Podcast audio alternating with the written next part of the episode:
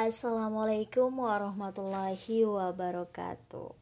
Saya Rahmianti Barani dan ini adalah podcast Milad UMY yang ke-40 Nah, ada yang spesial nih di Milad UMY Salah satunya dengan podcast saat ini dengan tema Memahami empat etika yang baik dalam kuliah daring.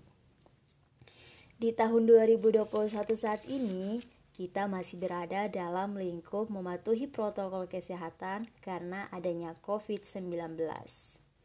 Tidak terasa sudah setahun penyakit tersebut masih menjadi penyakit dunia sampai saat ini. Wah, maraknya penyakit tersebut yang membuat semua aktivitas berupa kuliah salah satunya yang diperuntukkan untuk melakukan secara daring.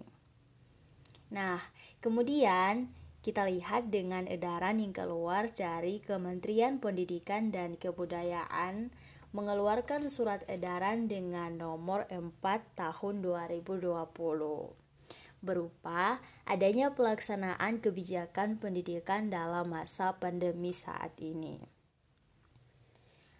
Nah, adanya perkuliahan secara daring yang membuat aktivitas belajar mengajar tidak 100% tatap muka. Nah, beruntungnya nih salah satu kampus ternama di Jogja, Universitas Muhammadiyah Yogyakarta, sudah terlebih dahulu menerapkan pembelajaran daring sejak sebelum pandemi. Wow, keren kan?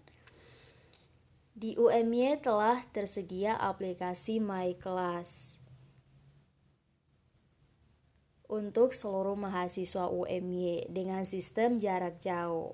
Universitas Muhammadiyah Yogyakarta selangkah maju pembelajaran perkuliahan daring dengan menggunakan aplikasi MyClass, mahasiswa menjadi sangat terbantu dengan adanya MyClass. Yang di dalamnya terdapat materi pembelajaran yang sangat lengkap dari dosen berupa video pembelajaran, presensi, forum diskusi, dan file pembelajaran. Ada pula fitur BBB yang memudahkan mahasiswa untuk mempelajari materi. Inilah empat etika yang baik bagi mahasiswa ya. Yang pertama yang harus dilakukan mahasiswa dalam kuliah daring adalah terutama dengan sopan dalam berpakaian. Yang kedua, tentunya yang sudah sering dibahas dalam kontrak belajar adalah menyalakan kamera saat pembelajaran karena pentingnya etika dalam menghargai kepada yang memberikan ilmu atau menyampaikan dan juga mikrofon saat pembelajaran dapat dinonaktifkan agar tidak mengganggu suasana dalam penyampaian materi tersebut. Yang ketiga, fokus dan mendengarkan apa yang disampaikan oleh dosen dalam menyampaikan materi. Karena terkadang itu yang sering terjadi dengan kuliah daring, masing-masing mahasiswa selalu uh, memulai aktivitas tersendiri seperti main HP dan kegiatan di luar perkuliahan. Yang keempat atau yang terakhir, disiplin bagi mahasiswa saat memulai perkuliahan daring yaitu tepat waktu.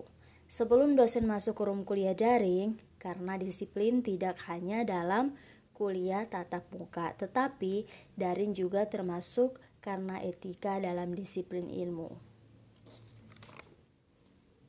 Sekian untuk podcast kali ini. Jadilah mahasiswa yang selalu produktif dan tanamkan etika kuliah daring yang baik. Saya Rahmianti Barani, sekian dan terima kasih. Wassalamualaikum warahmatullahi wabarakatuh.